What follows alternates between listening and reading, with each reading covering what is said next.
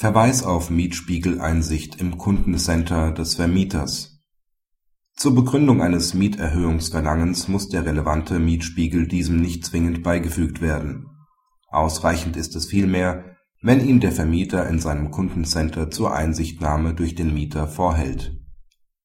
In einem jetzt dem BGH vorliegenden Fall verlangt der Vermieter die Zustimmung des Mieters zu einer Mieterhöhung. Den Mietspiegel fügt er dem Mieterhöhungsverlangen nicht bei sondern verweist darauf, dass dieser in den Räumen seines Kundencenters zur Einsicht ausliegt.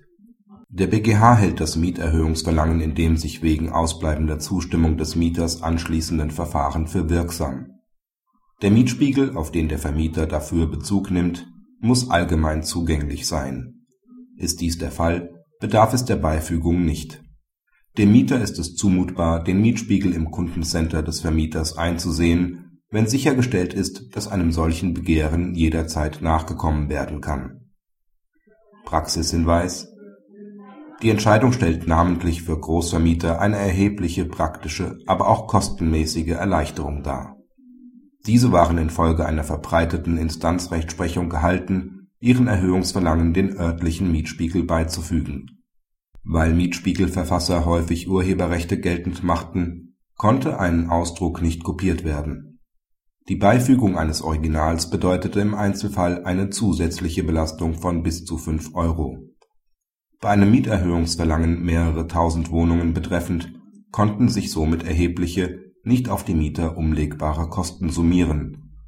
Solange die Einsichtnahme nun zu normalen Bedingungen gewährleistet ist, werden Mieterhöhungen nunmehr erheblich vereinfacht bei dem nur wenige Objekte besitzenden Vermieter wird sich an der bisherigen Beurteilung der Pflicht zur Beifügung nichts ändern, denn dem Mieter wird es regelmäßig nicht zumutbar sein, den Vermieter persönlich aufzusuchen.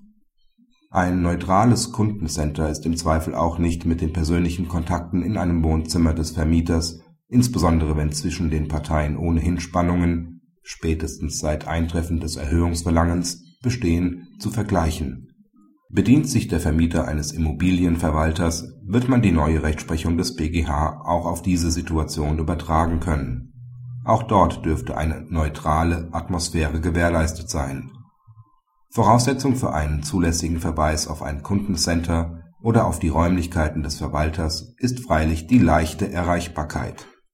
Solche Räume müssen demnach zumindest in der politischen Gemeinde, in der die Wohnung belegen ist, liegen auf weitere Anfahrtswege wird man den Mieter nicht verweisen können. Die Grundsätze für die Einsichtnahme in die Belege, die einer Betriebskostenabrechnung zugrunde liegen, geben insoweit Maß